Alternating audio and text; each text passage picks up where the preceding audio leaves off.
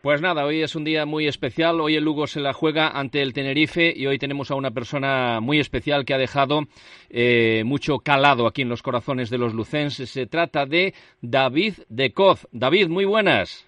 Hola, buenas tardes. ¿Dónde te encuentras ahora mismo? ¿Has, dejado totalmente el, fútbol? Sí, de momento sí, de momento pues ahora mismo desvinculado de, de fútbol, pero pero bueno, eh, viendo mucho mucho fútbol, todo el que me dejan y, y, nada, acordándome sobre todo mucho de, de, lo vivido. Oye, ¿y el, el mundo te llevará por la mm, por el camino de ser entrenador o qué?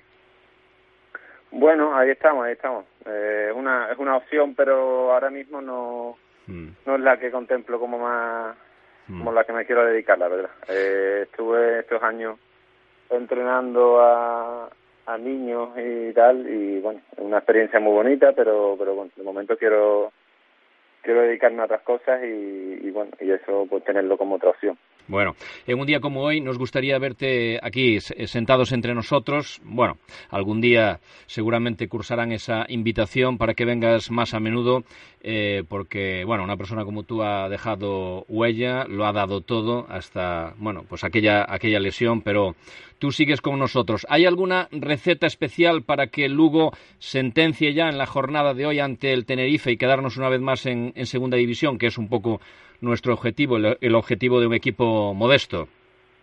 Hombre, está claro que, lo principal de un equipo es la unión, es la unión y, que haya un buen grupo y que todo ese grupo vaya vaya tirando hacia, hacia el mismo lado y me consta que, bueno, está siendo un año difícil pero que, que hay buen grupo, que, que, que el equipo quiere quiere sacar esto adelante y bueno, seguro que, que con la ayuda de, la afición, que siempre la ha tenido y hasta siempre muy presente en los momentos más difíciles, seguro que, que, el partido de hoy se va a solucionar bien, que, se, va, se va a quedar todo sentenciado y, y se va a quedar todo con mucha más tranquilidad, que la verdad que que un año así pues, es difícil y, bueno, cuanto antes se solucione esta papeleta, muchísimo mejor.